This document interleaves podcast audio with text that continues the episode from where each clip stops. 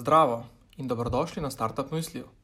Moje ime je Urban in vabim te k poslušanju tega zanimivega pogovora. Startup Mysli so podjetniški pogovori s prepoznavnimi imeni domače in tuje startup scene, namenjeni deljenju in izmenjavi izkušenj, pridobivanju novih znanj ter širjenju mreže povezav. Na tovarni podjemu jih že od leta 2012 organiziramo v okviru programa Startup Maribor. Pa začnimo. Um, dobro dan, dobrodošli, ali kaj že dobro večer, v bistvu ne. Ni več dobro dan, čeprav uro komaj šest, ne. Že taka tema um, na Startup Mysliju, uh, ki ga uh, danes organiziramo v sodelovanju z študentskim svetom ekonomsko-poslovne fakultete, z nami tudi Nomi, uh, predsednica študentskega sveta in pa seveda kot uh, vedno uh, za naše pogovore trije zanimivi gosti, Nina iz Nest Campersa, Tadej uh, in pa Matej. Um, in uh, lep pozdrav tudi vsem, uh, ki ste na drugi strani uh, te škatle, tukaj, v katero vsi zremo. Um, veliko vas je študentov. Um, namen tega današnjega pogovora je predvsem v bistvu nekako vas motivirati, inspirirati, pokazati različne poti, ki so jih uh, naši uh, podjetniški kolegice in kolegi nekako že prehodili in jih imajo pred seboj uh, in prikazati uh, podjetniško pot kot eno zelo uh, zanimivo, pestro uh, in mogoče predvsem v vaših letih poskusa vredno alternativo vaše karierne poti. Evo, za začetek kratka predstavitev vseh izmed vas, za katero blagovno znamko stojite in kako dolgo ste že v podjetništvu Nina kot dama z nami izvoli. Hvala, ful hvala za priložnost. Urban, z Urbanom smo že prijatelja po mojem, kakšne dve leti, jaz se vedno z največjim veseljem vračam v Maribor. Jaz upam, da vsi, ki ste v Mariboru, se zavedate, da imate tukaj nekaj, upam, da se zavedate, da imate nekaj res posebnega. Uh, nekaj, kar mogoče nekdo, ki je iz celja, uh, toliko bolj ve, kaj pomeni, ker nimamo tam nobenega takega ekosistema, tako da tole res uh, kapo dol, da se zberete in da se tole odvija, pa res tovarna podjemov vedno nudi full pomoči, tako da oni so vaša prva go-to v Mariboru za vprašanja, no to najprej poudarjam. Uh, Um, jaz sem podjetnica od leta 2017, lahko rečemo temu, ko sem se vrnila iz enoletnega bivanja v Novi Zelandiji. Um, sem ustanoviteljica podjetja Nest Campers, to je v bistvu prvo tako podjetje v tem delu Evrope, če ne sploh širom Evrope, ki oddaja nizkocenovne avtodome v najem. In potem pol leta, potem ko sem naredila v bistvu to prvo podjetje, se je pridružilo še podjetje Kuku Caps z namenom, sploh ni bil namen, da naredim še drugo podjetje. V bistvu sem samo hotela narediti ene lepe lončke za avtodome, da bi bile slike malo bolj instagramabilne, pa malo lepše. Uh, ampak sem pa v bistvu te slike nekih provizoričnih lončkov dala ven ravno v času no, novega leta Božiča 2017 in uh, že v prvem letu je bilo prodaje več kot 100 tisoč evrov samo z emaliranimi lončki. No in tu se naša zgodba zelo res razširila, ker nekaj ljudi je zraven zaposlenih in uh, prestopamo meje Slovenije. Tako da to na kratko. No.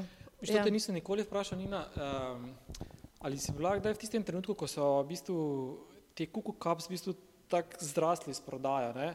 Si se kdaj, um, si bila kdaj pred odločitvijo, da rečeš nest campersom ne, pa v bistvu se osredotočiš samo na kuku kaps? Ja, to je v bistvu zanimivo vprašanje. Uh, ne, sem bila pa postavljena skoraj da pred ultimat takratnega mojega fanta, ali v bistvu nadaljujem s kuku kaps, ali pa v bistvu obesim na klin najno zvezo in uh, pač ni bilo nobene podpore. Uh, kaj se je meni v bistvu naredilo, nekaj, kar nas zunaj ljudje rečejo, o, oh, full obrnina, ti imaš avtodome pol leta, ker jih rentamo samo nekje od marca do oktobra, novembra.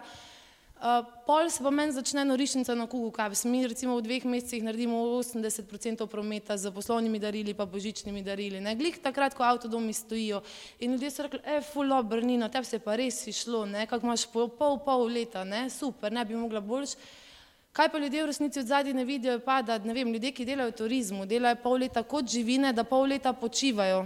Pri meni je bilo pa pol leta norije, v pol leta nove norije, kar je pri meni pol dolgoročno tudi prevedel do nekega, to je bilo fulebo, ko si rekla mental health. Uh, jaz sem prišla do točke pregorelosti po štirih letih, ker sem delala po 12, 13, 14 ur na dan, vse čas, dve, dva brenda gor spraviti je neverjetno, sploh ker pri nas, uh, ko boste delali brand, da morate vedeti, da je neki, če vi delate nekaj, kar ljudje že poznajo, je to drugače. Če vi zdaj delate, ne vem, porcelanaste lončke za potiski, ni treba ljudi v bistvu navajati na nekaj novega. Jaz sem z obima brandoma uva, pač predstavljala neko novost na trgu, kar je bilo dodatno delo. Tako da ja, v resnici v zadnjih štirih letih sem se najmanj petkrat vprašala, če prodam Nest Campers, pa nekje trikrat, štirikrat, če prodam Kugu Caps, uh, že v bistvu skoraj imela ene stvari, Eh, podpisane, eh, rečene, pa se pol obrnili in zdaj sem najbolj na svetu hvaležna, da ne, ker je prihodnost za oboje res svetla. No. Super, cool, hvala. Uh, tedaj, um, ker, uh, na tvoje isto vprašanje, v bistvu, um, skratka, uh, kako dolgo si v podjetništvu in um, s čim se uh, ukvarjaš? Uh, pogled mi gre v tvoje nogavice odgovor, zakaj boš pa ti povedal. Okay, hvala, hvala za priložnost. Uh, prav tako se pridružujem mnenji uh, Nine, kar se tiče vašega podpornega okolja. Tudi sam nisem z teh koncev, jaz sem sicer sprek Murja, uh, pa sem v bistvu tudi začel nekako svoj podjetniško pot v povezavi z vami. Sem ustanovitelj podjetja Go4Goal, kjer smo razvili inteligentno zasnovane športne nogavice. Trenutno pa delam na razvoju tudi druge športne opreme.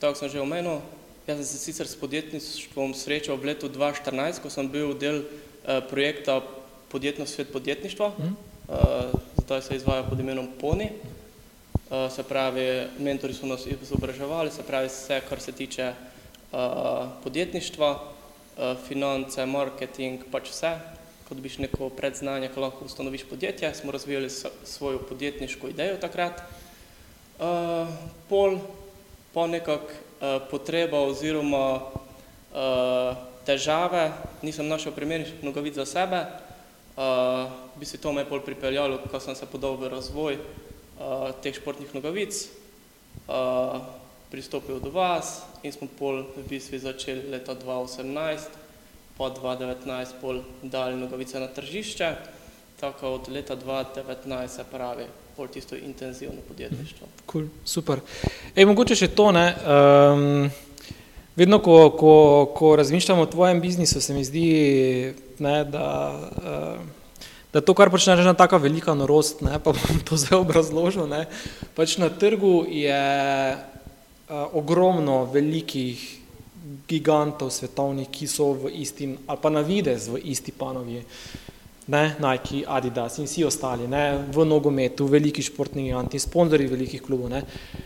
Kaj za hudiča eh, te prepričalo, da se podaš v mm, tako krvavo tržišče?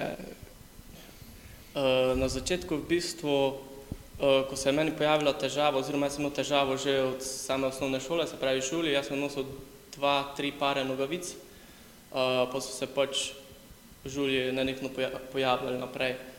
Uh, pol sem pa raziskoval tržišče oziroma pač same nogavice, sem spoznal, da so nogavice ful pomembne pri sami aktivnosti, zaradi tega, ker je pač nogavica prva v stiku s kožo, se pravi na nek način povezuje stopalo z obutvijo.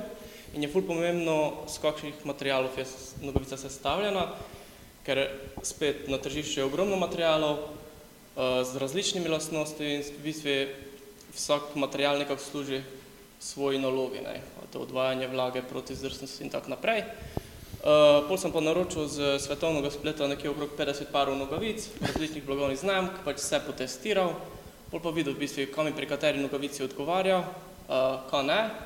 Uh, pol sem se še seveda povedal z ortopedi fizioterapeuti, ker se pač najbolj spoznajo na funkcionalnost samega stopala, ko smo podali tiste ključne informacije, se pravi, kje prihaja do največjih obremenitev, ko smo pol lahko uh, tiste uh, dele stopala z različnimi pletenji tudi zaščitali. Pa povabil sem k sodelovanju tudi uh, različne strokovnjake, ki se ukvarjajo z tkaninami, ko smo pol skupaj z njimi določili tudi strukturo materialov same nogavice.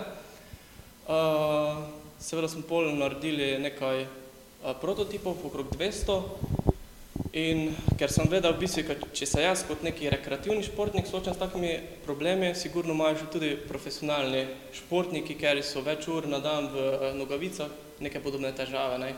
In izkazalo se je, kar res. Takrat sem poslal preko 200 teh prototipov športnikom različnih disciplin.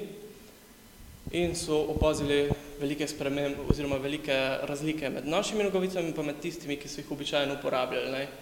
Uh, zato sem v bistvu takrat na tisti točki spoznal, ko smo res ustvarili nek uh, super vrhunski produkt, ker je dejansko pripomore oziroma pomaga uporabnikom. Ful, Super, um, hvala. Uh, Matej, uh, še, še ti, mislim, da si um, najmlajši med nami, uh, še vedno študent, če se prav, pa ne ekonomsko-poslovne fakultete, ne, če se ne modim, ali tudi. Uh, jaz sem študent šestletnika medicine v Mariboru. Uh -huh. um, v bistvu s samim podjetništvom sem se srečal v drugem letniku faksa, kjer smo raziskovali uh, zaplete sladkorne bolezni. Uh, in smo začeli razvijati eno slikovno diagnostično metodo za zgodno odkrivanje razjet na stopalu kot posledica eh, sladkorne bolezni. Zadeva je nastajala uh, v moji kleti, mi smo različne te slikovne uh, naprave, testirali smo čjo z inštitutom Jožefa Štefana, potem smo želeli uh, zadevo testirati v bolnici na pacijentih, ampak se je pač zalomilo, ker je prišla korona in tega projekta nismo še zaenkrat mogli izpeljati. Sem pa v bistvu pred uh, enim letom uh, razvil uh, prvi slovenski portal za iskanje zasebnih zdravnikov, zobozdravnikov, zdravnikov s koncesijo raznih medicinskih centrov v Sloveniji, najzdravnik.si. Potem sem lansko leto s kolegom začel razvijati serijo inovativnih igrač za otroke, MentaCube, um, smo razvili prvo uh, igro oziroma igračo, um, to je matematična kocka, uh, s katero se v bistvu otroci uh, učijo računanja, lahko, lahko kar, uh, učijo računanja. Zadevo smo v letošnjem letu predstavili na slovenskem trgu. Igrače izdelujemo vse sami s pomočjo 3D tiskalnikov, tudi um, ves hardware sestavljamo sami doma v kleti. Uh, Um, druga stvar, kar pa je, oziroma tretja stvar, uh, pa sem ravno pred enim mesecem uh, launchal svojo prvo Kickstarter kampanjo, KIF, uh, to je naravni leseni inhalator za eterična olja, uh, kjer smo že uh, zbrali zagonska sredstva za proizvodnjo tega izdelka. Potem uh, v letošnjem letu, v januarju, smo pa z uh, podjetniško ekipo ActiMatch razvili dejansko slovensko eh, platformo za iskanje ljudi s podobnimi interesi, če ste mogoče že slišali.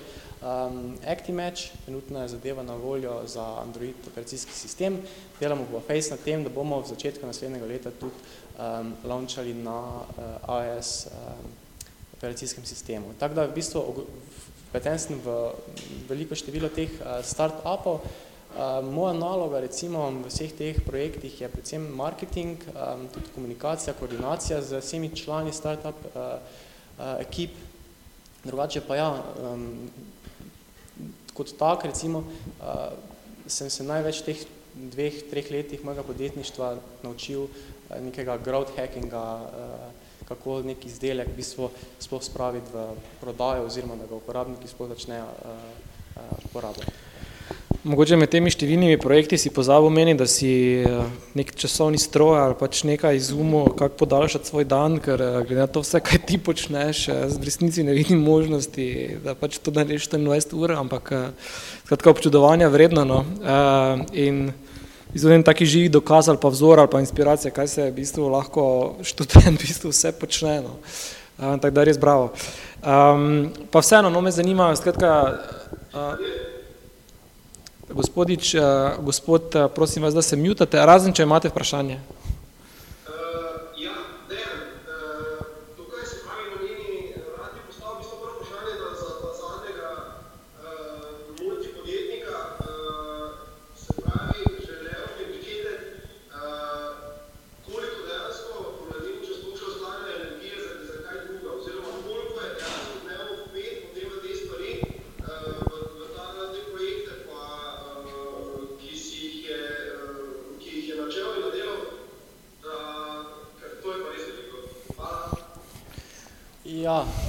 Mislim, to uh, dan ima res 24 ur, ne, ampak teh 24 urah lahko zelo dosti uh, časa skoordiniraš. Recimo v naših uh, startup ekipah so poprečno tak dva do trije uh, resni člani, s katerimi lahko ful dosti zadev zelo hitro um, rešimo, si, pač smo prijatelji že iz gimnazije in se osebno tudi že dovolj dobro poznamo uh, in si zaupamo, tako da načeloma se da uh, več projektov voditi, uh, ampak moraš imeti tudi dobro ekipo, se mi zdi, da v vseh teh startupih, karkoli boste kadarkoli začeli, je res brez dobre ekipe, tudi nekega startupa nikoli ne boste speljali na višjo ravn, je boljše, da delate zadevo sami.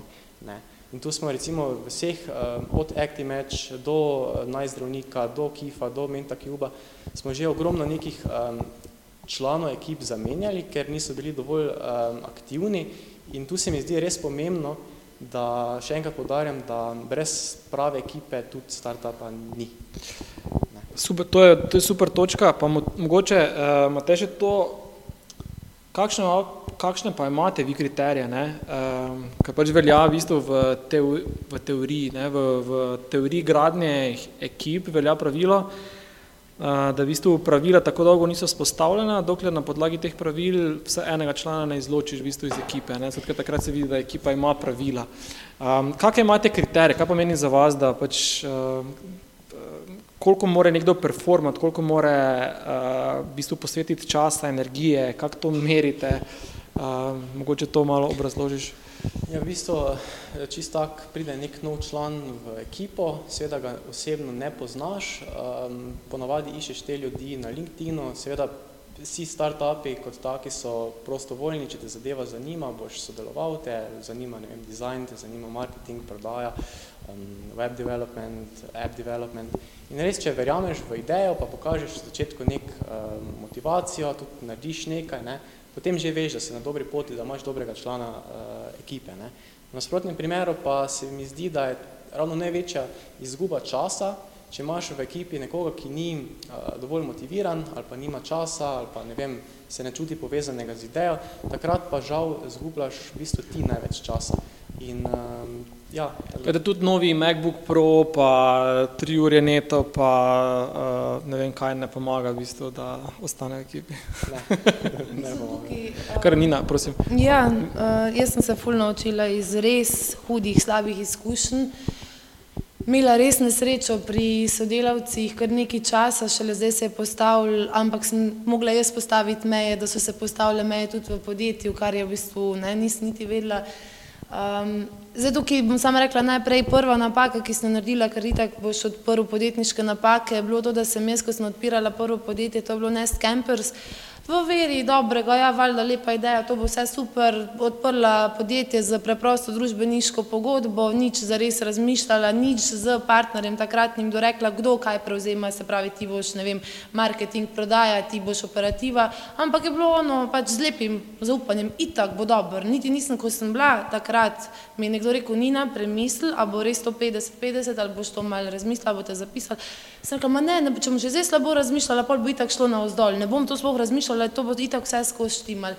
No, na najhujši grozen način sem se naučila, kaj pomeni, ko imaš partnerja, ki v bistvu nima tega podjetniškega mindseta, ki v bistvu je izigraval in povzročil poslovno škodo. In jaz se tukaj s tabo ful strinjam, v bistvu, kaj jaz iščem pri novih članih, je proaktivnost, je kreativa, je ta želja, ki jo ima človek sam v sebi, ker ljudje smo različni, enim ful paše, da dobijo takle naloge, ampak to je operativa, to ne more biti core team, to ne more biti ekipa, ki prevzema odgovornost, ki s tabo razmišlja, ki bo v bistvu, ne ful je tudi pomembno, misel, ki mene drži gor, je sploh pri core ekipi, if you're the smartest person in the room, you're in the wrong room. In to vas naj tudi vodi pri pri izbiri teh partnerjev, ki bojo z vami. Naj bo nekdo res tručko na enem področju, vi na drugem, sam na ta način si boste pomagali, ker drugače. Še pa to, kar se rekel, plača. Tu naredimo pa največ, kot tu sem naredila letos napako, v dobri veri, pa da, ja, če jaz dam malo večjo plačo, pa bo pa sigurno ful bolj delo, dober delo, največja napaka. Če boste to naredili na začetku, boste dobili, če je bil slab delovec, bo slab delovec, bo tak in tak isto slab ali pa še slabši, boljše, da date nižjo plačo, pa potem v bistvu nagrade za uspešnost ali pa nagrade v obliki procentov, pa ga na tak način dobite v firmo, ne se pa zaleteti, ker visoka plača ne pomeni avtomatsko visoko produktivnost. Ej, uh, tudi za vse tri velja vprašanje, glede na to, da smo uh, zelo občinstvo študentsko barvano, uh, sprejemate v svoje vrste tudi torej, entuzijastične posameznice in posameznike, ki nimajo ful izkušenj, pa so se pripravljeni učiti, bi želeli nekako imeti priložnost poznati, kaj počnete, se dokazati, dobiti neke reference. Za vse, ki ste tukaj z nami ali pa v bistvu online. Kar po vrsti. Ja, uh, Malo bistvu, samo bliže, če mikrofone držite. Ja, zdaj, mi v bistvu tako vse sodelujemo z nekimi pogodbenimi sodelovanji, se pravi neizredno zaposlitvijo, uh, se pravi grafični oblikovalci, pomoč, ne vem, delali smo lani na uh, razvoju pametnih športnih nogavic, se pravi v sodelovanju s strojno fakulteto preko enega projekta, tam so itak bili povabljeni študenti različnih smeri, od medicine, športno treniranje, grafično oblikovanje, tekstilno oblikovanje in tako naprej. Tako da zdaj pa v bistvu oblikujemo tudi športno linijo, se pravi performance linijo naše blagovne znamke in smo v bistvu iz te ekipe, se pravi študentov, prišli tudi do ene mlade oblikovalke in zdaj v bistvu pogodbeno tudi z njo sodelujemo, Super. se pravi, ko nam pomaga oblikovati našo športno linijo.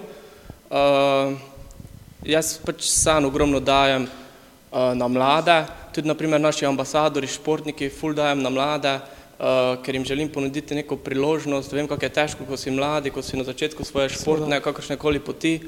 Uh, in pol viden v bistvu, ko se tudi ti športniki ali pač, kako je zdaj ta uh, punca, ko oblikuje, se dosti bolj potrudijo kot naprimer neki prošportnik ali uh -huh pač neki, ko je že ne vem kako dolgo v neki industriji. Ne. Mm.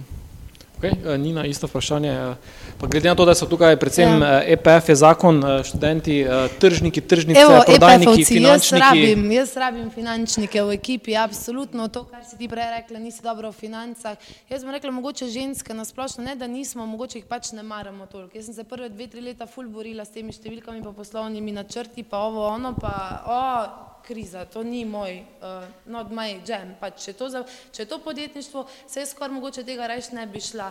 Ampak podjetniki s tem, ko rastemo, tudi vidimo, da a ja, se mi pa znamo reči, a ja tega pa ne znam. Znam pa vprašati, znam pa iti do ljudi, ki znajo to delati in to je v bistvu ta čar, da v resnici ne rabiš in v bistvu podporni ekosistem Slovenije je ful močno. Bom pa povedala par Facebook skupin pa društev, kjer se v bistvu med drugim, ne vem, verjetno si poznate malinco Nastjo, pride na predavanja, odpre svojo Facebook stran in ti pokaže, kam ona na mesec za 30 tisoč evrov oglase in kako. Se pravi, znanje med podjetniki se je končno začeli deliti in ta slovenska mentaliteta, ne, da ne bo imel slučajno sosed bolj zeleno travo, ni več, mislim, je med mladimi podjetniki ni. Meni je v resnici ful pomembno, da odpiram uh, priložnost mladim, sploh v celju, ker tega nimamo ljubljanskih coworkingov, nimamo mariborskega uh, tovarne podjemov. Na zadnje sem recimo preko Zavoda za zaposlovanje ZZS, kar je v bistvu ful zanimivo, ko sem bila pri vas na predavanju na zadnje uh, avgusta, uh, sem v bistvu eni gospej tudi povedala in je tudi to že uredila in naredila. Zavod za zaposlovanje je dal nam podjetje možnost, da sprejmemo mlade na uvajanje za tri mesece. Zavod plača 3,30 evra na uro plus potne stroške te osebi, oni pa pridejo v bistvu ne na uvajanje, ampak na uh, izobraževanje oziroma ja, da ga ti v bistvu učiš. Ne. No, mi smo dobili krasno punco, ki nam bo sigurno z njo se bo nadaljeval. Punce in fantje hodijo noter od grafičnih oblikovalcev, ljudi, ki se hočejo sam naučiti. Jaz vedno rečem, moja vrata so vedno odprta, pa tudi če prije kdo na kavo, e, Nina, jaz ne vem, a bi ali ne bi ali kak naj, pridite pa vprašajte. Res meni se zdi to ful pomembno, da se povezujemo. In nedolg nazaj sem dala, rečemo, misel v vesolje, ali kakorkoli iza login bi rekla temu manifestacija, tisto, ko ne pozna od Tweet 7 in naj dražjega exita v Sloveniji, si lahko malo preberete, kaj Iza pravi o zaposlovanju ljudi, se pravi najbogatejša slovenka. Govori o tej moči misli. In jaz sem dva tedna nazaj ravno razmišljala, jo prenesto bom pa rabila eno osebo, ki bo to pa to, pa si mal predstavljala. No, naslednji dan me je čakal mail ene punce, da jo zanima delo pri nas, da je videla kaj, kako in kaj ona počne, reference. Danes sem imela z njo razgovor in uh, pač krasno. Tako da ne se bat, res pokličite, vprašajte, pošljite maile, uh, full bolj smo odprti. No, in uh, če nas znate prepričati ali pa sploh, da pridete že s kakšno idejo ali pa preprosto željo, ej, jaz pa bi, full bi rad začel delati delati, eh, ne vem, karkoli. Jaz bom tudi odpirala več praks, po moje letno, dala priložnosti, tako da, ja, Super. absolutno. Cool. Odlično, hvala. Uh, jaz sem... Jaz izvoli. Ja. Samo ime še prosim povej. Uh... Čau, Dejan.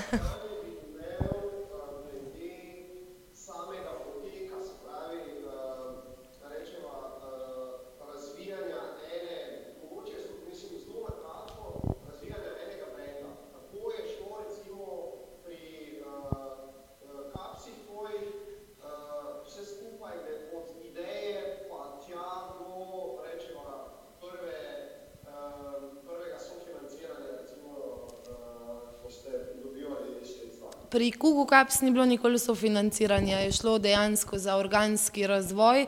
Uh, in tu bom še nekaj rekla, mogoče me boste vi, el, eh, ekonomski faks, pa neki se bo mogla posipati s pepelom. Jaz v resnici ne verjamem najbolj v poslovne načrte, pa v neke, um, ne vem, načrte grajenja brenda. Ne za res. Eni, enim to laufa, enim ne. Jaz mislim, da podjetniki, sploh mladi, preden vi vse naštudirate, dajte rajš produkt ven, tudi če je do, Popoln ne bo, pač sploh ne, ko boste začeli. Šele, ko boste dali na trg, pa začeli testirati, boste videli, kaj ljudje rabijo. Jaz sem začela s tremi potiski na lončkih, zdaj jih imamo 40 motivov, pa imamo džezve, pa džezve za levičarje, pa posode, pa ne vem kaj vse. Se pravi, šlo je za organsko. Jaz sem začela poslušati ljudi, kaj pravijo, kaj bi želeli. Aha, motili je, da imamo angliške napise, da imamo še slovenske, da imamo slovensko kulturo. Je pa bilo hkrati tudi, nisem sam gledala, kaj ljudje rabijo, ampak je bilo ogromno, je izvirali iz mene ali pa moje sestre, se pravi, kaj pa jaz želim, da želim ohraniti to neko slovensko kulturo. In začel se je pač z Facebook pageom, čist preprosto, ki mu je sledila najbolj preprosta in neumna spletna stran v PrestaShopu. Pa smo pa mi na Kuku Cups delali predvsem na socialnih omrežjih in so nas tudi mediji povzeli, influenceri so kar radi pristopili zraven za ston. Prineslo je zgodba druga, tam v bistvu smo pa prve tri leta se skrivali slovencem, domačemu trgu, sploh nismo želeli zares kazati, kaj imamo. Tam smo v bistvu šli v grajenje kontenta, ogromno blogov in sebine, ki nas je na Google dvigno više gor, začeli smo graditi backlinke in tam smo pa ciljali v bistvu na ljudi, tujce, ki že vejo, da pridejo v ta del sveta, pa niso vedeli kako, tako da je bila malo drugačna strategija. No. Um, Super. Ta upam, da sem odgovorila. E, pa to še, kar, če se kar navežem, pa to za vse tri vprašanje, tudi mogoče z Matej stavo začnejo. Goran je vprašal, um, kako ste začeli, ne? torej, kje ste dobili neki prvi denar za zagon, pogodbe, marketing, stranke. Zdaj, Nina, ti si že fule povedala, ne, dosti krat je to tako mistificirano, kaj vse moraš imeti za začetek, moraš imeti spletno stran, pa vizitke, pa kataloge, pa ne vem kaj, ful neke budžete, ne, v resnici ne, to, kar ste vi, točno to, kar si ti rekla, to je običajno začetek, ne, skratka, nimaš skoraj praktično nič, imaš Facebook stran, začneš v bistvu šopati in, in, in to je to. Uh, Matej, še pri tebi, mogoče v teh Mogoče, če se na prejšnje vprašanje navežem, glede iskanja članov ekipe, tu je v bistvu zelo odvisno, kak, kakšen tip startupa sploh počnete, ker je ful dosti odvisno od learning curve. Ne. Recimo, če iščeš nekoga, ki se spozna ne vem, na Android development ali pa iOS, pač moraš nekoga iz tiste stroke tudi iskati, ne. ker če nekdo ne vem, se ne spozna na programiranje, rabi tam nekje leto, da sploh se uvede v sam sistem. Ne. Tako da, kar se tiče promocije, pa growth hackinga, pa ekonomskega vidika dela v startupu, pa v bistvu lahko kdorkoli. Dejan, mute. Ej, mute, mute, mute, mute. Hvala. Prosti. Kar se tiče drugega vprašanja, pa je res najboljše začeti bilo kakšen produkt ali pa storitev delati čist small scale. Ne. Ni potrebno imeti, ne vem, vse celotne grafične podobe že vnaprej pripravljene. Spletna stran je, se mi zdi, res ključna, ko se dela kakršnikoli izdelek ali pa storitev, ne, da sploh ljudje ve, vejo, kaj počneš. Drugače pa, če se navežem, to je spet odvisno, ne, kak, kak, kakšen tip izdelka pa, appa delaš. Ne. Začne se najprej z idejo, potem idejo dovršiš do nekega minimalnega viabilnega produkta, MVP-ja oziroma prototipa, pri nekih izdelkih lahko recimo kupiš štiri tiskalnik za 200 evrov, stiskaš prvi model, vidiš, da ni vredo, še stiskaš 100, ti si 100 prvi je mogoče vredo, pol najdeš nek hardware, napišeš kodo, testiraš, ne, tako je recimo šlo po, po tem eh, postopku za to igračo, eh, ki smo jo ustvarili. Um, drugače pa ja, uh, začneš z malim, tudi ne rabiš zdaj neke velike investicije delati. Um, mi smo to MentaCube recimo začeli z, ne vem, s 500 evri, dobili smo tudi, uh, smo zmagali na razpisu Univerze Maribor za inovativne projekte. Torej, v bistvu s tem denarjem smo si pokrili um, 3D tiskalnike, pa kupili pač prve komponente z Kitajske, smo to doma zašraukali skup, nadili prvi uh, izdelek, ga slikali, uh, malo uh, dali na državno mrežja, promovirali in v bistvu potem, ko daš izdelek na trg, začneš tudi izdelek promovirati, največkrat se izdelki dobro prodajajo preko državnih mrežij, preko Facebooka, Instagrama, tam si narediš en uh, Facebook page, ga povežeš z, z ad managerjem, narediš par kreativ, testiraš par um, adov, par tarčnih skupin, ki je že v osnovi začrtaš, Potem pa spremljaš različne metrike, uspešnost uh, promocijskih kampanj, uh, beležiš uh, na tedenski ali pa na 14-dnevni bazi in potem vidiš, uh, kako se tvoj izdelek prodaja. To je za izdelke. Kar se tiče app, pa je čist drugačna zgodba. Tu pa je dosti več nekega razvoja, ogromno testiranja z, z prvimi uporabniki, ki pride na tvoj, uh, tvojo aplikacijo uh, in je zgodba malo drugačna kot z, z izdelki. Jaz bi sam še dodala, da ne bom uh, na pol povedala, uh, pri Kuku Caps res ni bilo investicije, je pa prav, da povem, pri Nest Campers je bila in tu je bila tudi urbanova pomoč oziroma za vse vas je dobro, da veste. Slovenski podjetniški sklad vsako leto razpiše SK75, se pravi, iščejo do deset inovativnih podjetij, lani nas je bilo izbranih sedem, uh, greš tja na predstavitev, pokažeš, kaj imaš, nek MVP moraš imeti oziroma nek traction dokazan, uh, tam te v bistvu preverjajo mentori, greš v neke kroge in če si na koncu izbran, dobiš 75 tisoč evrov konvertibilnega posojila, to si lahko malo več pogledate o tem, kar je meni oziroma Nest Campers sigurno pomagali premostiti to krizo v turizmu. Pri Nest Campers tudi moram povedati, da tri leta nazaj, ko sem začela, je pa šlo za posojila od družinskih podjetij, ker so seveda osnovna sredstva vozila precej draga, ampak so ti dolgovi tudi že odplačani, tako da to preprosto ni šlo brez tega. Pa še dodala bom, denarja med investitorji je v resnici ful velik. In ful iščejo dobre ideje, uh, bom pa tu rekla, bodite previdni, ker nas narobe učijo, vsi start-upi in podobno, čim prej do ne vem kaj, pa do, do, do seed A, pa do round B, pa do exita, pa ne vem kaj vse. Mislim, dajte se tu ustaviti, ker mogoče to ni nekaj, kar bi vi želeli. Mogoče je to nekaj, kar za ene dobro deluje, mogoče pa ne želite vi dobiti investitore, ki vam bo dal 3 milijone, pa bo pol v bistvu se boste počutili, kot da delate za njega. Tako da dajte biti malo previdni s temi investicijami, od koga, pa kaj in zakaj. Mhm.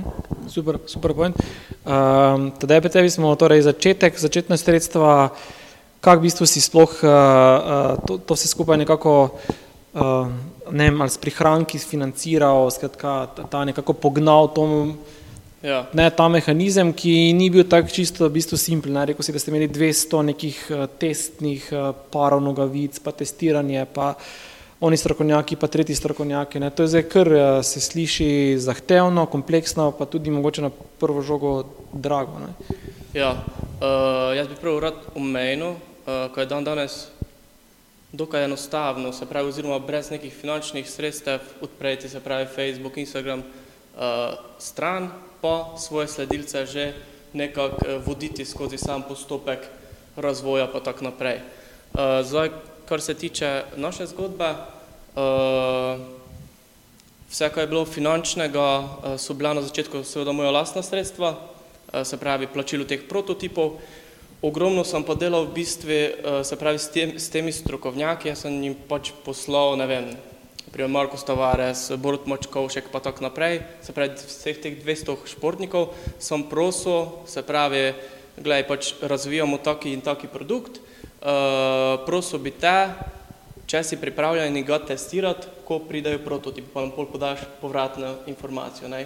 In pač full pozitiven odziv sem dobil od teh športnikov uh, in takrat sem se v bistvu naučil, ko uh, ti ljudje pač lahko samo rečejo ne, pa ja, ne. Tako pač vprašanja samo dajte kjerkoli. Uh, pol sem pa šel tudi v bistvu do fizioterapeutov, ortopedov, uh, tam sem sicer dal eno ponudbo za 3000 evrov, ko bi naredili meritev teh stopal, uh, spet drugim je pa ponudil za stojn sodelovanja, ne, ker je pač bil spet mlade in ga je zanimalo takšno sodelovanje, bil je odprt za to, uh, tako sem dokaj, kako bi prav, uh, brez nekih finančnih stroškov prišel skozi pri razvoju, uh, razen seveda, ko je bilo potrebno plačati proizvodnjo, ne, to je pa itak material, uh, tisto sem pač z lastnih sredstev, tiste prototipe, um, pol pa v bistvu, ko sem videl, ko smo ustvarili neki produkt, ker ga trg potrebuje, pol smo se pa pač mogli odločiti za proizvodnjo. Okay, to mogoče, ko, še, ko si prej omenil, ne, um, da ti ljudje, da si se naučil, da ljudje lahko reče samo ne ali pa ja. Ne. Um, kaj so bili neki, mogoče neki, ali pa sem, sem iz tega razbral, da je bil to mogoče tudi kaki tvoj strah, recimo, zaradi katerega si mogoče malo omahoval ali se spustiti v podjetništvo in kateri so še bili drugi strahovi, uh, mogoče pomisleki, um, dvomi, ki so te omejevali, uh, da se spustiš na lastno podjetniško pot? Ja, pač, kako bi pravil, uh, strah. Uh, jaz, ko sem na začetku, ja, mi je bilo strah, ne, uh, ker nisem vedel v bistvu, ko bomo ustvarili. Ne. Ampak, ko sem jaz dobil enkrat povratne informacije strani športnikov, strani ortopedov, fizioterapeutov, ki so pač nogavice tudi preizkusili, takrat je pač tisto izginulo. Ne? Naprimer, takrat sem jaz prosil Markosa Tavaresa, ko pač preizkusi nogavice, zdaj pač podobni športniki kot je on, pri nas naročujejo nogavice. Ne? Mhm. Tako se je pač slika obrnala. Ok, ampak recimo čisto tako mogoče osebno ali pa osebnostno, ne, si, si imel kakšne dvome, dvom v sebe, da boš to zmogel, te je bilo česa strah, te je bilo... Uh, Um, ne vem, kaj so bili mogoče kakšni drugi pomisleki, te bilo, ne vem, si imel tremo pred nastopanjem, si imel tremo pred poklicati 200 športnikov in jih prositi za test, mislim, kaj, kaj so bili mogoče neke take ovire, s katerimi se vsi na nek način soočamo ali pa smo se soočali, ne? Jaz sem imel vedno tremo pred javnim nastopanjem, pač v, na Foxu, pa to, ko smo pač predstavljali karkoli, jaz sem se celi trosil, ne. In uh, vedel pa sem, ko če pač ne bom svoje zgodbe predstavil, ko pač ne da šlo, pa bi prav globalno. Ne? Uh -huh. In uh, ko sem začel, sem imel tudi v bistvu prave ljudi okrog sebe, ko sem dal tisto zadnjo brco vrit. Ne? Uh, Kdo so bili ti ljudje? To je bil eden uh, z Maribora, ki mi je pomagal tudi pri samem marketingu na začetku. Uh -huh. uh, z njim smo tudi pol prišla na tovarno uh, k vam. Uh, in se je pol v bistvu začelo odvijati. Ne? Se pravi, ko sem tisti prvi korak naprav, se pravi, ko sem premagal ta strah, ko sem pač predstavil sam sebe, ne samo produkt, ampak v bistvu osebo, kera stoji za tem produktom. Ne? Se pravi, predstavil sem svojo zgodbo, uh, kako sem prišel do samega produkta. Ne? Cool. Uh, ni na strahovi pomisleki, zdaj, si, zdaj ste vsi tri, ste trije, ste super suvereni, samozavestni, uh, Ne, uh, ste bili vedno taki, oziroma si bila vedno taka, ali si bila, je bila Nina pred petimi leti, ko je začela uh, ena taka. Nina je šla čez velik faz v svojem življenju. Sem bikica, sem trmasta, bik po horoskopu. Uh, tako da sem bila vedno precej duer, to so mi tudi drugi rekli, še preden bi dobro premislila, sem že šla to delati.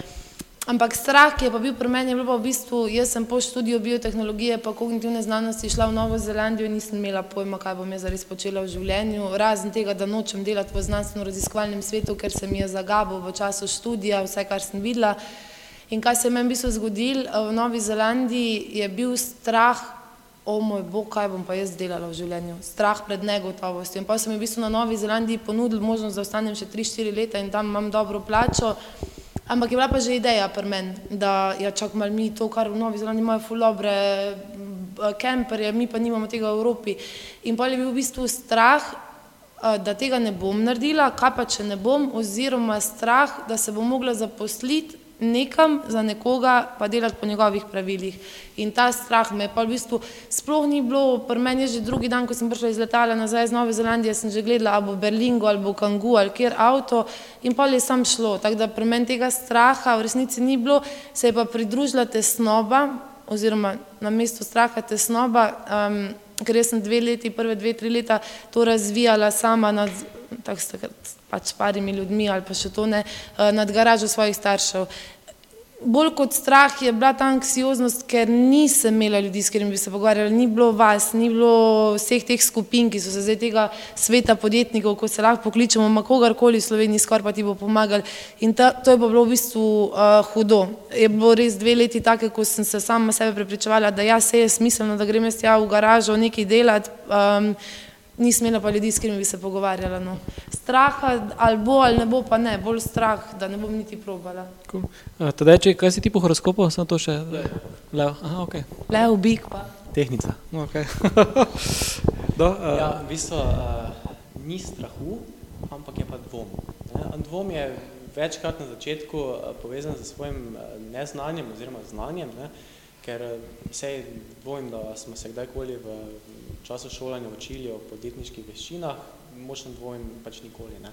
Recimo v gimnaziji uh, se s podjetništvom nikoli nisem prav srečal, potem na fakulteti pa se mi zdi, da ravno z tem raziskovanjem, ker jaz sem tudi na začetku dosti teh raziskav dal skozi in sem vseeno imel tisti raziskovalni čut, tako da sem potem se sam učil uh, številnih drugih veščin, od promocije, marketinga, growth hackinga, kakorkoli in se mi zdi, da če začneš neko podjetniško pot z strahom, uh, ni najboljše. Je pa fajn dvomiti, ne. In če vsak dan dvomiš v to, kaj si naredil, ne, potem vedno skrbiš za, za tvoj projekt oziroma za tisto, kar delaš čez dan. Ne. Je podobno je recimo v medicini, tudi ko pacienta enkrat uh, pozdraviš, ne, ali pa karkoli, vedno razmišljaš, ali si mu dal pravo terapijo ali ne. Tako da je fajn dvomiti uh, strahu v podjetništvu, pa se mi ne zdi, da je, da je dobro uh, imeti. cool, super. Evo, zdaj, kar nekaj je že bilo vprašanj, uh, tukajšnjo, evo, Nomi, izvoli. Na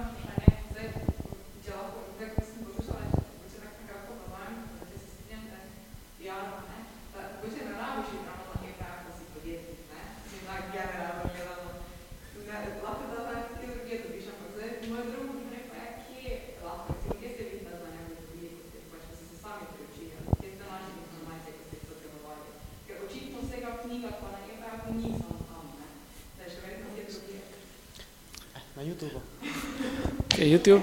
YouTube, Google, um, pa jaz bi tu rekla šola ali pa ekonomska. Jaz sem bila ful žalostna, joj pa zakaj jaz nisem študirala marketing ali pa ekonomske, to bi bilo meni ful lažje, jaz bi dejansko razumela, kaj pomeni SEO optimizacija pa growth hacking, ne vem kaj vse. Nič nisem znala, ko sem začela.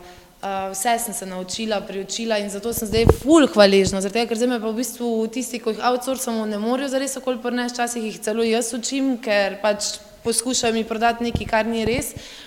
Hkrati se mi pa zdi, da ravno to, da jaz nisem hodila na ekonomsko ali na marketing, recimo, je meni dal možnost, da ne razmišljam o teh okvirih. Ker meni so rekli, recimo za Google Caps, neka agencija marketinška lani, ni na koliko date vi v marketing spend na prodajo. Pa recimo, jaz se vedno odkrito povem, lahko tudi zdaj lani je bilo prodajo okoli 220 tisoč evrov, uh, marketing spenda pa 5 tisoč evrov. In on meni, pa ne, to ni možno, marketing spenda mora biti vsaj 25% na izdelek. Ne?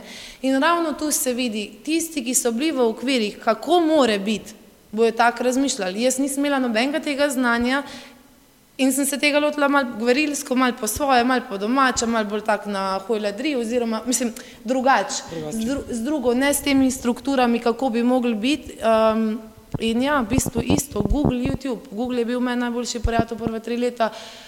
Dokler, zdaj pa jaz ne vem, ali je to povezano, da jaz prej nisem znala vprašati za pomoč, ali dejansko sem tudi jaz mogla priti do neke veljave ali pa glasu, da zdaj v bistvu se ti resnično se vam bo odprl, pa se odpre svet podjetnikov, ki so v bistvu prijatelji. In to je kdorkoli, ki je v tem pol pomaga. Mm, super.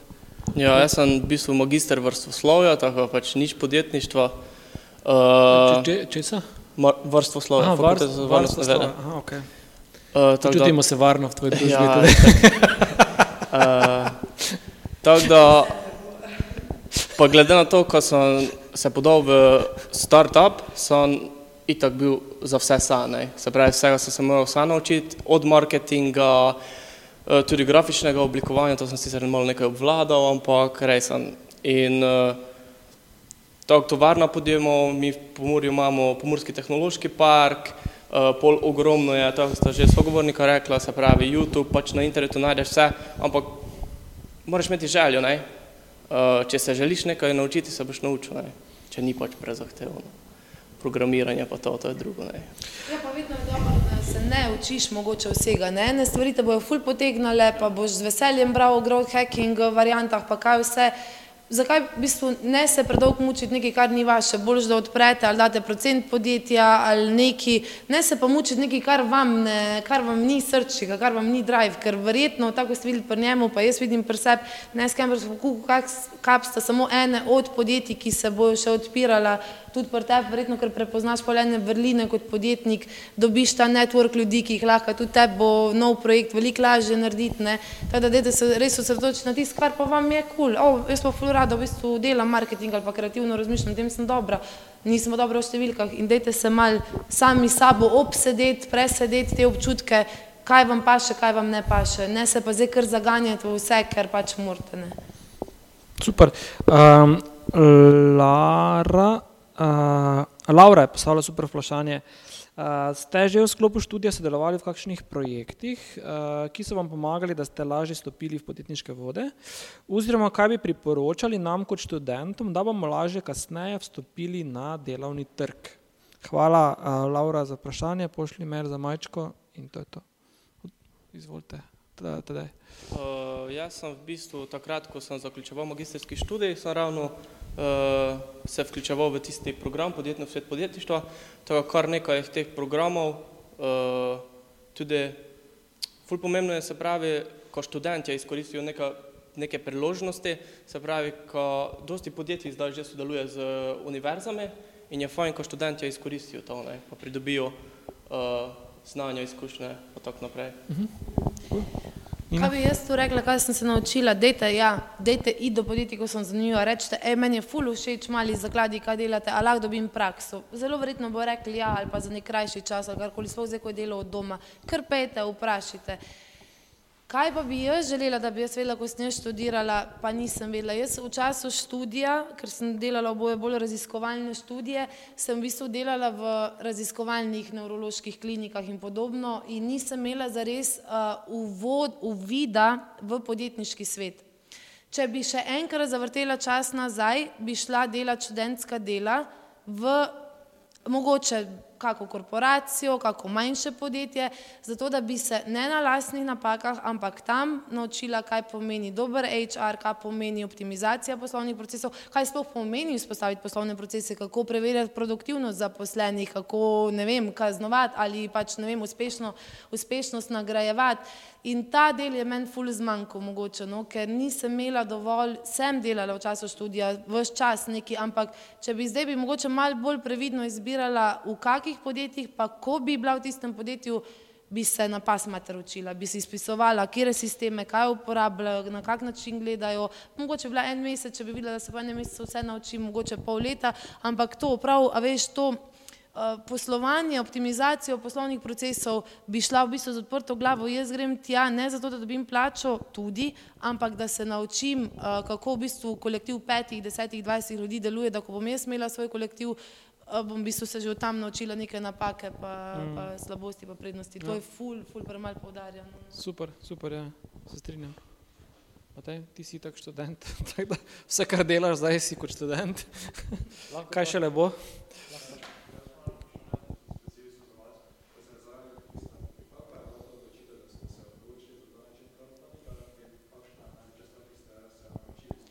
Uh, ta crowdfunding, čist tak, iskreno, je bila napaka. Izdelek smo mi imeli pripravljen, izdelani 500 kosov, pripravljenih za prodajo. Uh, načeloma pri izdelkih, ki jih lahko zelo poceni uh, proizvedeš, se splača iti takoj na trg. In. In, um, crowdfunding recimo je, je zelo specifičen. Recimo, ne. um, imaš neko idejo, recimo, ne vem, zdaj sem zmislila nek električno kolo. Recimo, ne. To je zelo velika investicija, da začneš neko tako stvar delati. Ne. To ni pač električno kolesa so precej draga. Ne. Neko tako stvar, ko sem pa jaz naredil in z, z Žanom, kolegom, tudi z medicinske fakultete, pa načeloma je leseni inhalator za eterična olja, s katerim v bistvu želimo, eh, da ljudje prenehajo s kajenjem. eh, In zelo enostavno je to proizvesti. ne. Mi, eh, mi dva to izdelujemo s pomočjo lesne stružnice, pač ni, ni težko. Ne. Eh, In tako da Kickstart, pridobivanje sredstev na Kickstarterju, ne, to moraš biti zelo, eh, zelo pazljiv, ali greš v to smer, ali pa greš kar direktno prodajati. Če imaš izdelek, ki ga lahko zelo eh, poceni proizvedeš, ga hitro začneš prodajati, se bolj splača takoj v prodajo, kot pa v zbiranje sredstev, ker predolgo traja. V tistem času, ne, ko pa Kickstarter, pa naj ne bi eh, imel svoje uh, spletne trgovine. Ne. In to si daš recimo nek 40-dnevni rok, kjer poteka tvoja Kickstarter kampanja, vmes pa veš, da imaš tistih 500 kosov, ljudje te pa sprašujejo, kdaj bo izdelek uh, uh, dostavljen. Ne. To se zdaj meni recimo zgodilo. Moja tarčna skupina recimo so ljudje stari 55 let, ki hočejo nehati kaditi. Ne. In to so ljudje, ki prvi slišijo za Kickstarter, kaj njim pomeni tisto back this project. Ne. Kaj so, oni ne vejo, kaj je to. Pol pa grejo spod- spodaj pogledat, pa spet nekaj v angleščini piše, da uh, ustvarjalec uh, ni rečeno, da bo dostavil izdelka. Ne. In pol pa se sprašujejo ljudje, zakaj bi, jaz, uh, zakaj bi oni podprli ta projekt. Ne. Drugo pa je, da kupi preko spletne trgovine, dobi izdelek naslednji teden ali pa čez tri dni. Ne. Tako da to je, to je ful, um, ful dobro razmisliti, ko neko tako stvar delaš. Če pa delaš neki taki res inovativni izdelek, um, ki tudi proizvodnja pa razvoj stane precej, pa je mogoče res Kickstarter uh, dobra metoda. Tudi ena stvar, ne, tako, koliko sem jaz recimo v tem času crowdfundinga pa tega ugotovil, community na Kickstarterju je bolj za take tehnične zadeve, gadgete. Ne. Tu ljudem, to Kickstarter folk uh, zelo rad uh, podpira. Od raznih, ne vem, pripomočkov, nekih igrač, board gameov. V glavnem, to je bolj ciljna skupina, uh, ki jo targetiraš s Kickstarterjem. Drugače pa spletna prodaja je pa boljša opcija, če imaš tak izdelek, recimo. Vsi tisti, ki razmišljate o Kickstarterju. ne? Mikrofon, mikrofon. Ja, eh, tisti, ki razmišljate o Kickstarterju, ne, to je, imamo full slovenski, ne vem, Maj Equa, Equa Bottle, Anže Miklavc, pa Stela Korošec, oni večinoma delajo s Kickstarterjem, drugo je Bird Buddy. To so ljudje, ki bojo z veseljem odgovorili na tvoje vprašanje. Ti jih lahko pokličeš, napišeš mail, rečeš, hej, jaz bi dal nekaj gor, ali lahko pridem na kavo, ali pa se lahko prek zuma slišma, pa ti bo iz prve roke ti bojo takole povedali, kaj se je pri njimi šlo, kak so naredili AB testing in kaj ja in kaj ne. Tako da res, pač, dajte malo uh, uporabljati to, ker ljudje ne bi rekli, če ne bi oni sami rekli nam na glas, pokličite, vprašajte, povejte naprej, tako da pač vprašajte direktno tudi naprej tiste, ko, ko so naredili res, res uspešne kampanje, sploh Bird Bud, mislim, da je dobil 7 milijonov ali nekaj takega pač. Uh, ja. Ena stvar še, kar se tiče Kickstarterja, recimo, uh, kot veš, ko, ko začneš neko tako idejo razvijati za Kickstarter, moraš začeti zbirati e-maile od ljudi, ki jih izdelek zanima. Ne? In uh, največkrat se to, uh, tu, se na, tu nastopi težava, ne? ker recimo, da dva meseca ali pa tri mesece pred uh, launchem Kickstarter kampanje, ne, moraš vklopiti ede. Ne? In s tem, ko klopiš ede, gre tvoj ad spend. Zdaj, če smo študenti, nimamo zdaj 5000, 10 evrov taks spraviti za nek uh, izdelek, pa misli, da bo uspel na Kickstarterju. Ne. Tako da ti res bolj priporočam, uh, da začneš tako izdelek prodajati, daš na trg, vidiš, če se obrne, ti se denar bolj reinvestiraš v oglase in bolj tak uh, rasteš. Ne. Uh, tako da to je to. Zdaj, ne vem, če veste za forico Bird Buddy, to bom še samo vedela, kaj so oni naredili, ker niso vedeli, ali bo njihov produkt kul cool ali ne, ali bi sploh šel na Kickstarterju skozi ali ne. Mojstri so naredili kar landing page za Bird Buddy, kao da je mail, pa lahko naročiš, folk je naročil, oni so videli, koliko je v bistvu interesentov in tistem, ko je nekdo naročil, so mu že poslali mail, o, pardon, ni šlo skozi, ni procesirano, zavračamo naročilo, la, la, la. In so v bistvu dobili bazen, mislim, na tisoč, dva tisoč mailov, videli, da zadeva v bistvu bo pila vodo, pač čist taka growth hacking forica, ne, um, ena od, ali oziroma, ja. Ja. zdaj, če se še jaz lahko dotaknem te crowdfunding kampanj, uh, tudi Jaz takrat, ko smo zbirali oziroma začeli zbirati denarna sredstva za zagon proizvodnje, uh, smo delali vse v tej smeri, ko gremo na Indiegogo, to je v bistvu uh, ena stopnička nižje od Kickstarterja. Uh, vse pripravili, lansirali na Indiegogo, ampak pač nismo zbrali za dosti sredstev, pač težave, premalo uh, smo vložili v marketing, uh, se pravi, premalo smo se pripravili, premalo smo imeli v bistvu uh, skupnosti, se pravi, teh e-mailov. Uh, pravijo v bistvu, ko bi naj, preden greš na uh, Indiegogo, Kickstarter, kakorkoli, imel že 70% zagotovljenih kupcev, ne? ali so to kakšna podjetja, pa tako naprej. Ne? Tako, pač ogromno, ogromno jenih priprav, analiz, pa tako naprej. Mm. Ja, cool. Super. Uh, še kako vprašanje? Tukaj, v živo ali online? Ne? Ok, um, mogoče še zdaj, uh, če gremo naprej.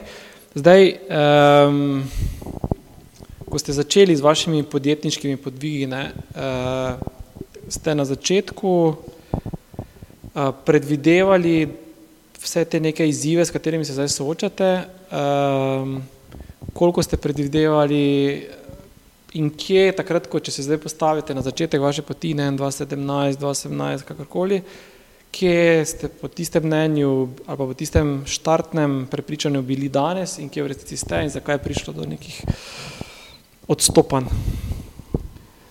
Ja, pri meni so se dogajale neke stvari, se pravi, predvsem takrat, ko smo iskali proizvodnjo, uh, pri manjših pletilstvih, uh, takrat sem prišel v bistvu skoraj do tega, ko vse pustim, uh, zaradi tega, ker mi niso Eh, ta manjša pletilstva niso imeli takih stroj, ko bi naredili tak zahteven produkt, ampak sem pol našel seveda eh, neko alternativo oziroma sem nekako prišel do Intersoxa, se pravi tudi slovenskega podjetja eh, in smo pol z njimi začeli delati, ne, se pravi, Jaz pravim, da se vse zgodi z nekim razlogom. Ne. Mogoče, če bi takrat vztrajal s, tisti, s tistimi pletilstvi, mogoče ne bi bil danes tukaj sam. Ne. Uh mhm. -huh. Tako da pač jaz pravim, da se vse zgodi z razlogom. Zdaj, kar se pa tiče uh, samega razvoja, uh, pa se z vsakim mestom odvija nekaj novega.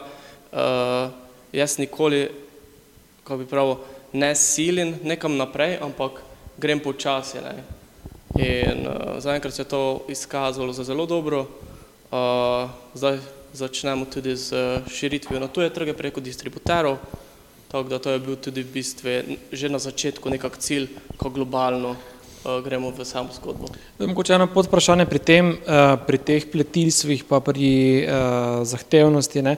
Zdaj, tukaj se dotaknemo nek način uh, posredno ali pa neposredno perfekcionizma, ne, ki je na eni strani, uh, pomeni, ko je neka kar lastnost, ki, jo, ki je skupna vsem podjetnikom na nek način. Ne. Po drugi strani je pa lahko slogu v teh začetnih fazah pa pogubna, ker vas pač kar, ali pa kar nas v bistvu ubija, ne, ko ti si verjetno teka od šivilstva do šivilstva in uh, tvoji visoki standardi niso bili ne, uh, doseženi, zadovoljeni in bi v bistvu te to lahko tako trudilo, da bi dejansko zaključil ne, cel, cel, cel poskus. Kak, kak ti dojemaš ta perfekcionizem in kje ta perfekcionizem uh, je potrebno pri njem strajati, kje pa je mogoče stvar nekega egota in ga rajši pospraviš v predal? Uh, jaz govorim pač zdaj za svojo izkušnjo, jaz sem full perfekcionist. Ja, pač vse, kar se tiče dizajna, vse mora biti na svojem mestu. Uh, kar se pa tiče samega produkta, uh, pa sem vedel, da pač mora biti produkt reka, res nekaj posebnega dodelanega, zaradi to, ker jaz sam kot uporabnik, ne, če pač nekaj kupim, pač želim, da je to res brezhibno oziroma res top. Ne. Okay, kje pa nisi perfekcionist, da bi tako vprašal? Kje pa nisi, pri katerem delu tvojega biznisa ne, pa nisi perfekcionist? Pa mislim, da sem kar pri vsem, no. Vsem more. mislim, predvsem pri grafiki, pri, uh, pri teh zadevah, no, to mora biti, ker jaz pravim pač, kupec prvi vidi grafično podobno, pa pol gre v ozadje. Okay, cool, super. Eh, na temo perfekcionizma mogoče še Nina? Jaz sem postala perfekcionist, se mi zdi v spodjetništvu vedno bolj, prav to vidim že tudi, ko ne vem, pospravljam, pet let nazaj nisem ni bilo treba, da je bilo vse tako pospravljeno kot zdaj. Tako da se mi zdi, da me je zdaj to mal. Jaz sem perfekcionistična predvsem uh, pri tem, kaj pride do kupca na koncu. To je meni pač sveto. Kaj bo on videl, kaj bo odprl, kak bo odprl, joj, to sem alergična, tudi ne vem, ko punce napišajo uh, slovnično napako, pa to berejo naši, to dobim kar ošpice. To mi je ful, mi je ta, ta fronta do uh, customerja, end userja, tam sem ful perfekcionistična tam, tam je perfekcionizem ful, ful pomemben. Manj sem perfekcionistična bila pri teh nekih um, poslovnih procesih, tako ti tudi veš, Urban, da nam je kar škripal, ampak tudi tu sem zdaj v bistvu dobila v podjetje pomoč, najela poslovnega mentorja dodatno, da tudi tukaj zdaj v bistvu so sistemi mal sperfekcionizirani oziroma bolj optimizirani. Um, kaj pa razlika Nine od štirih let nazaj pa Nine zdaj, štir, pet let fast forward, da je pa, da ko sem začela obratno kot ti mogoče, ali ne vem, uh, kako si točno ti rekel, jaz sem sam šla, sam greš naprej, ful stvari, ful projektov, vsemu sem rekla, ja, ko mali kuža. Uh, zdaj sem pa v bistvu gotovila, ja, točno to, vse je točno tako, kot mora biti, z razlogom je tako, zdaj se pa umirjam, tudi v podjetništvu se umirjam, uh, Po eni strani sem vesela, da so bila štiri leta taka, kot so bila, zaradi tega, ker zdaj bi se lahko skoraj mal, ne bom rekla počivam, ampak toliko stvari je bilo narejenih, ko bi jih nekdo razvijal, ne vem, pet, deset let, mi smo jih pa pač, ker pač je bilo treba vse takoj narediti, ker se ni na to spomnila. Um, je zdaj v bistvu zaradi tega malo žanjem te sadove za nazaj. Sem se pa tudi nekaj naučila. Ko sem jaz začela prvo, drugo leto v nadgaražu svojih staršev, Itak noben je vedel v Sloveniji, kdo je Nina Majcen in kaj počne in kaj kugu kaps in kaj Nest Campers. Pa se pa nekje tretje leto to začelo malo spreminjati, ne, in pol kava tu, pa kava tam, pa kolega kliče, da Nina bi mi nekaj svetovala, pa tak, ne, in so začeli v bistvu ful, in jaz sem bila ful vesela, spet kot mali kuža, vsemu rekla, ja, o, ful, ali leko, nekdo pa ve, nekdo se pa pač hoče z mano pogovarjati, ker tako malo se mi je zdel, o, ful, fajn, mogoče ta ego ali karkoli, ne, ampak končno neka potrditev od odzuni, dokler nisem v lanskem letu, pa leto so gotovila, a čak malo, to pa ni več sam spraševanje, dejansko so ljudje začeli skoriščati ta kreativni mind, ki ga imam. Kar je po eni strani ok, ampak če gre nekdo na kavo preračunljivo, da bo dobil deset novih idej, to pa šele zdaj, iskreno, v zadnje pol leta, jaz sama se postavljam ceno, da to ni samoumevno, da niso vsi taki, da tudi kreativa pa pomoč pri grejanju brenda ima neko ceno, Um, tako da tu, no, tu sem v bistvu šla precej naivno v to, pa me je pol šola naučila, da um, ni vse za to, kar se sveti, oziroma da namere niso vedno zdaj samo pozitivne. Mm -hmm. okay. Hvala. Uh, ja, v bistvu, ko začneš neko podjetniško pot, se mi zdi, da ni najboljše biti perfekcionist, ker ti pobere največ živcev. Uh, pametno je, recimo, da na začetku daš izdelek na trg, vidiš, dobiš neko prvo mnenje od uporabnikov, potem pa začneš izboljševati tiste funkcije, ki po domače povedano bolj palijo. Zdaj pri nekih izdelkih uh, za otroke je res velik povdarek na samem dizajnu, tudi um, dizajn je v bistvu ključen ne, pri takšnih stvarih. Drugače pa ja, tekom razvoja nekega start-upa postaješ perfekcionist, ker vidiš, da zadeva pije vodo in hočeš izboljšati vse Eh, vsa področja, od dizajna do uporabniške izkušnje, do marketinga, do vsega ostalega. Ne. Če pa začneš podjetniško zgodbo z tistim resnim perfekcionizmom, pa nikoli ni tista, tisti izdelek, ki ga narediš, ali pa tisto, tisti, ne vem, kreativa, pa karkoli, ni nikoli dovolj dobro in te vedno strah, ja, mogoče to ne bo dobro, mogoče to, daj ven, testiraj, vidi, kak je, če to pali, malo izboljša in s tem uh, gradi zadevo naprej. Super. Um, zadnjih 15 minut gremo, uh, tako da um, pripravite vprašanj, majci še cel kup tukaj, tako da izkoristite. Um, vprašanje za vse uh, cilji. Um, zakaj ste šli, v bistvu, ali pa s kakšnimi cilji ste šli v vaše zgodbe? Um, pa zdaj govorim o poslovnih ciljih, čisto iz vidika vem, velikosti podjetja, prodaje. Uh, števila trgov, ne vem, karkoli, pač kaj poslovni cilji in osebni cilji. Um, in kje ste glede na te uresničene cilje? Kar, Moj cilj je bil na začetku, ko sem začel vse skupaj, da prisežem samega sebe. Uh, na začetku, recimo, še v gimnaziji sem fuldosti tekel, uh, tudi dolge proge, recimo maratone in tako dalje. In sem vedno imel v sebi nek taki, ne vem, osebni drive, da neke stvari izpeljem do konca. Potem na fakulteti pa sem s temi startup projekti v bistvu začel tudi nekako, ne vem, osebnostno rast, um, učiti, učiti sem se začel tudi druge veščine, ki, mi, ki so mi res pomagale tudi pri samem razmišljanju. Uh, drugače pa, kje se jaz vidim v naslednjih desetih letih, o tem v bistvu sploh trenutno ne, ne razmišljam, ker vedno pride sto zadev vmes.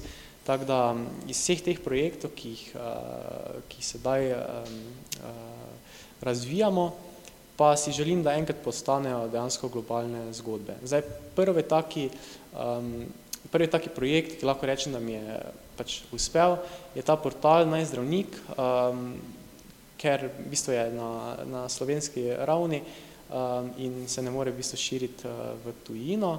Um, drugače pa ja, uh, pri ostalih projektih, ki pa imajo malo globalni uh, prizvok, pa želim, da v prihodnih letih to postane uh, tudi globalne znamke.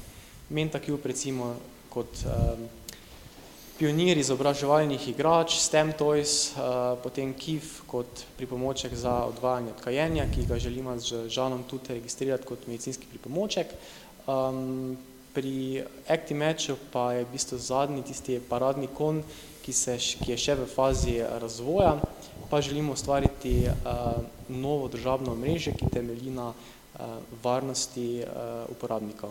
Um, tako da to je nekako to. No. Cool finančnih ciljev, milijoni, milijarde, ne, mislim, če lamboti. Začneš, ne, če začneš podjetniško zgodbo razmišljati o dragih avtih, pa dragih vilah, pa vsem tem, boljše, da ne začneš, ker potem boš vedno razmišljal o tistem denarju, nikoli pa o tisti izdelku, ki ga razvijaš. Ne. In tudi pač to ni uh, dober mindset, kakorkoli. No. Hvala, Matej, da si to povedal. Uh, ne, to je spet to, ne, ful velikrat nas na teh uh, inkubatorjih, ja, pa kak je plan, pa kdaj bo exit, pa koliko, pa ne vem, kaj vse.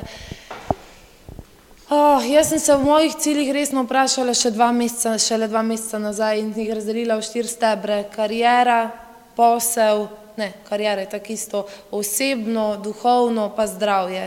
Uh, in jaz tukaj ne gledam več, ja, mogoče lahko rečem, ne Scampers bo šel v evropsko, na evropski trg, QCAPS bo možno naročati po Evropi, verjetno še ven.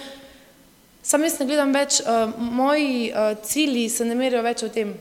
Moji cilji za naprej so povezati še več ljudi, pomagati še več podjetnikom. Odprla sem že lani podjetje Extra Mile Deo ravno z namenom, da bomo v bistvu da bom lahko nudila neko podporo mladim podjetnikom, sploh na področju mentalnega zdravja, Uh, in jaz res ful bolj gledam v nekih uspešnih zgodbah, novih partnerstvih, koliko imamo novih partnerjev v, pri kampih in podobno. In to so stvari, ki mene veselijo na koncu v resnici. In marsikdo bi mi rekel, Nina, ti pa nisi za podjetniški svet, če ti ni denar tam, pač sam, če meni res ni, jaz nisem začela zaradi denarja in nisem v tem notor zaradi denarja in noben, jaz, če, če bo tukaj kadarkoli, da bi se mogla odločati, grem rajši ven, kot da bi bil denar tisti, ki bi me in me čist druge stvari veselijo in me druge stvari ženejo tu naprej. Pač, kaj vse še bom lahko razvila, ne s campers, pa kako sem pripričana, da bo to tako, sem rekla, ena, dve od zgodb, ki jih bom jaz v življenju počela, želim mentorirati mlada podjetja, pomagati svojim znanjem, mogoče vstop, pač, a veš, odpira se, ampak ne merim, merim bolj v osebni sreči, v trenutkih miru, ko jih imam, uh, lepih trenutkih so, ne vem, to so pa, a veš, razvoj podjetja, jaz zdaj tudi vidim, ne vem, v podjetju smo zdaj naredili nekaj, reče se kudos box, in za mene je to uspeh tega meseca, ne da imamo v resnici najbolj uspešen mesec tega leta za enkrat november. Ne, za mene je november uspešen, ker smo v podjetju naredili Kudos Box, kjer eh, zaposlene med sabo si pišejo listke, pa jaz pa to enkrat na mesec preberem. In to mene driva. Meni je zaradi tega najjače se zjutraj zbuditi, pa iti v službo, ne pa zaradi tega, ker o let ta mesec smo pa naredili tako pa tako prodajo. Mislim, to lahko grem tudi v banko delati, uh -huh. pa številke prelagati. Cool. Super. Ja, meni se je pač cilj nekako izoblikoval tekom moje poti. Zeleni Lamborghini? ne, ne to. Ja, okay. uh, daj, kako ste brez Se pravi, uh, produkt oziroma cilj uh, se je nekako razvil z toga, jaz sem do produkta prišel, v bistvu, ker sem imel težavo. Uh, jaz sem v srednji šoli zaradi žuljev, uh, sem 10-15 minut bil hromi na noge uh, ker sem pač igral nogomet za žulje, sem palec avtomatsko vlekel k sebi uh, in sem v bistvu, uh, so se mi pretrgale te neke hrbtne in so v bistvu so me noge popustile. Ne.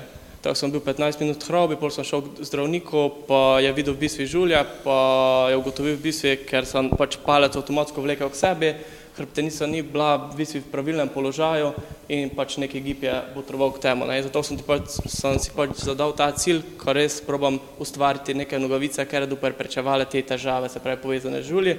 Tako to je bil v bistvu pol, se je izoblikoval moj cilj, ko pomagam čim več uh, uporabnikom, se pravi pri preč, prečitvi teh težav povezanimi s topoli. Zato meni v bistvu največ pomeni to, ko me ne ve, neka mama uh, otroka kliče pa reče, ja, mojemu otroku so se prenehale težave žulji, hvala, ker ste razvili takšen produkt. Ne. Mm.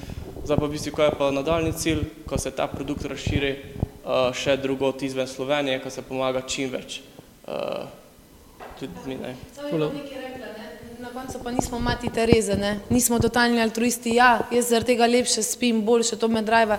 Se mi pa zdi, da je pomembno, da recimo, ko sem rekla, ti štiri stebri, moj osebni cilj, ne, ko si vprašal, bom kar konkretna, je, da čez pet let bom jaz imela svojo malo hiško z načrtom, ki ga imam že pet let v glavi, z lastnim vodnim virom, pa precej samo skrbno zadevo. In, in to končno sem si šele zdaj po petih letih rekla, a ja, se jaz imam tudi osebni cilj, vsem tem, jaz ne morem sam več dajati v firme. In se mi zdi, to pa res, dajte si probat, ne preko slej, lahko je število otrok, lahko je ne vem kaj, ampak če pa ne boste imeli sploh teh ciljev v glavi, jih tudi manifestacija od zadnji se ne bo zares izvedla, ne bo vesolje, ker takle vam mal uh, ljudi dal še zraven uh, na pot, ker to se res začne dogajati, ko se enkrat v flowu, verjetno tudi sam veš, in je pomembno, da se kdaj sami sabo usedete, ta buta spogovor, ko ga noben hoče imeti, pa kaj pa jaz hočem, pa v bistvu je vse ful enostavno, jaz vem, da hočem imeti tisto mojo malo hiško, ne vem, nekdo pa kaj drugega, no, ampak to, dajte si kar jasno priznati sam v sebi na glas, pa boste videli, da bo pa...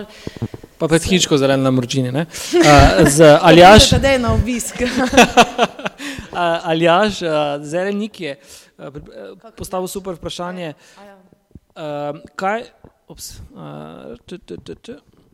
Kaj bi, kaj bi priporočali nekomu, ki želi začrtati svoje podjetje, pa ima veliko idej, vendar se ne zna odločiti, katera od teh zamišljenih idej bi bila najbolje sprejeta na trgu? Torej, kako ne, se, predvsem, ne, vsi, vsi imate milijon idej, kako se zdaj odločite, katero štartati? Matej, ti tako vemo, ti vse štartaš.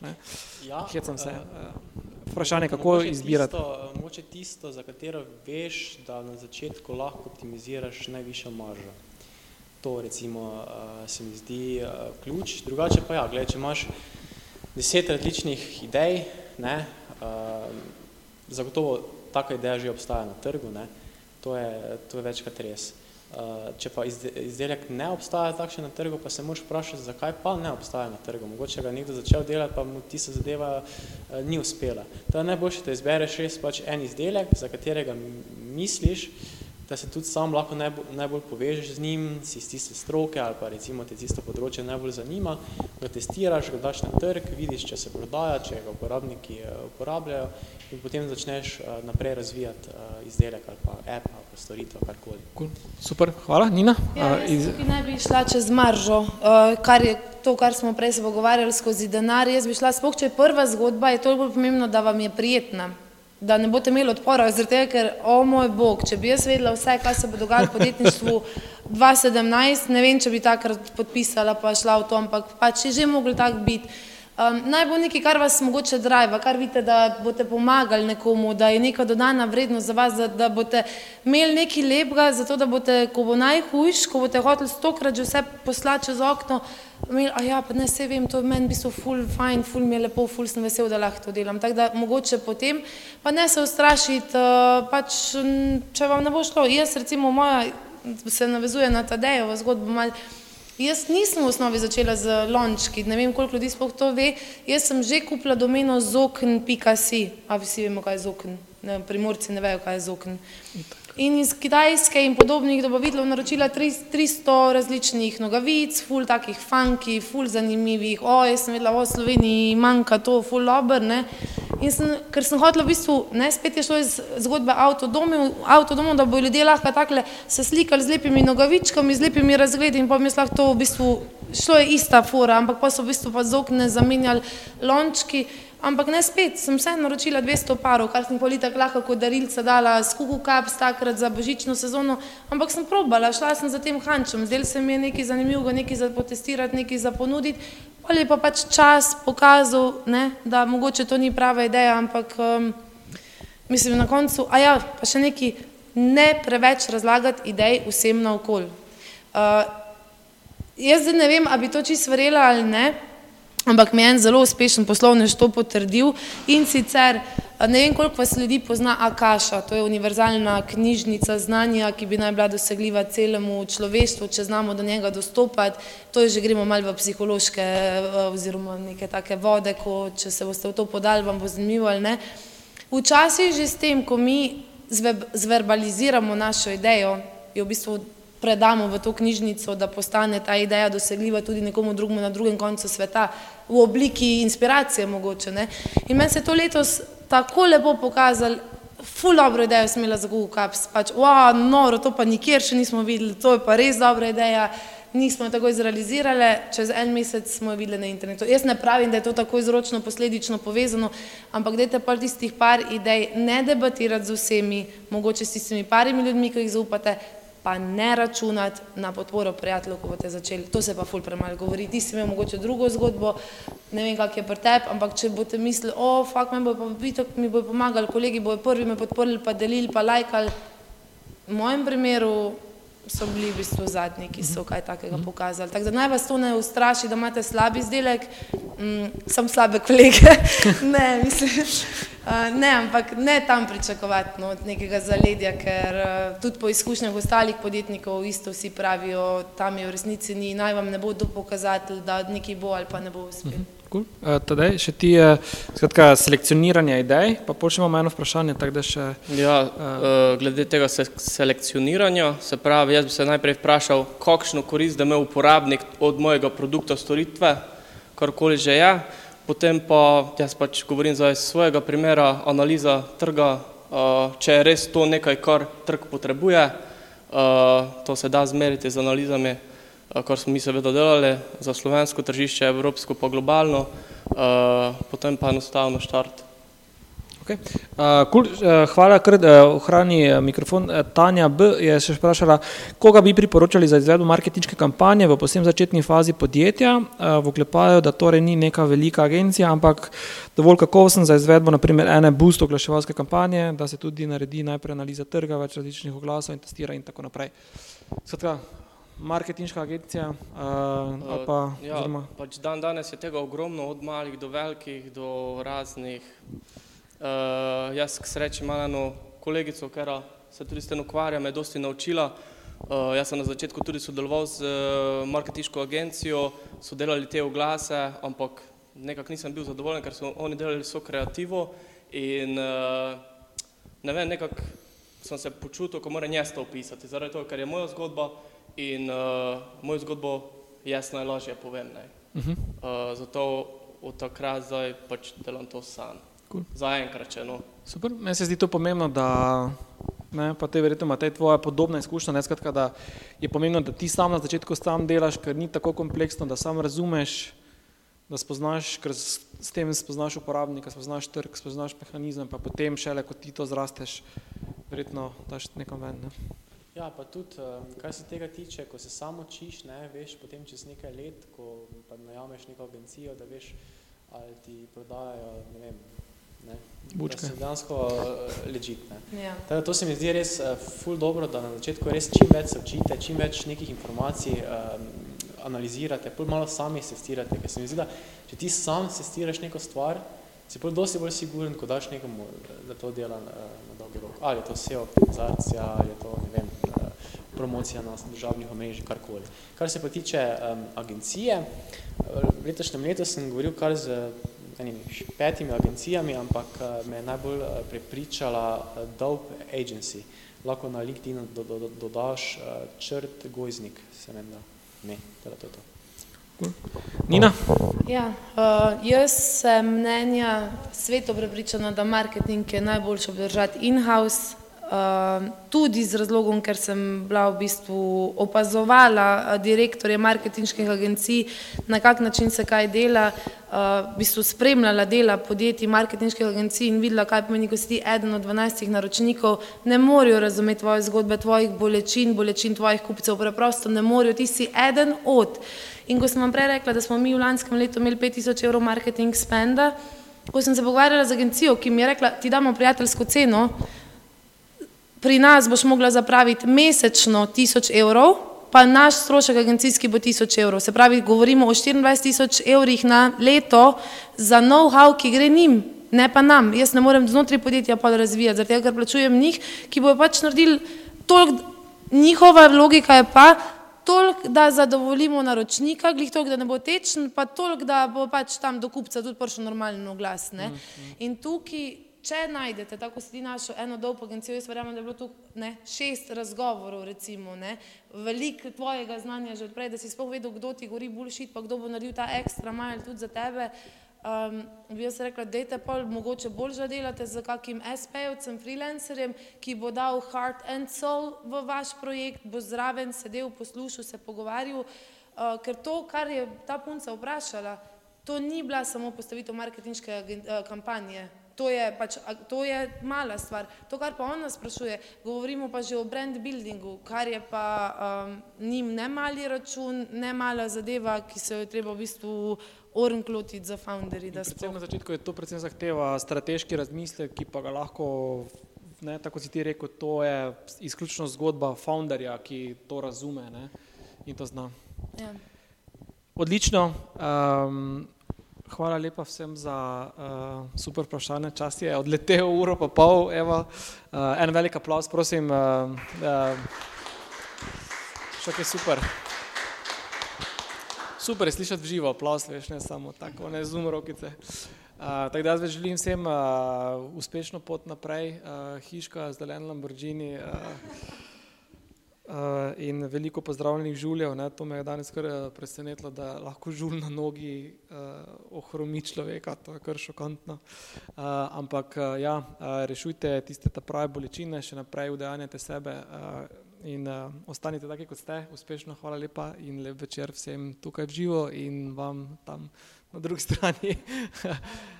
ja. Ti je bilo všeč? Da ne boš zamudil novih epizod, klikni subscribe. Veseli pa bomo tudi tvoje ocene, komentarja in delitve, da za nas vedo še druge radovedne glave. Pobrskaj po naši bogati zbirki pogovorov, gotovo se v njej skriva še kaj zate. Se slišimo?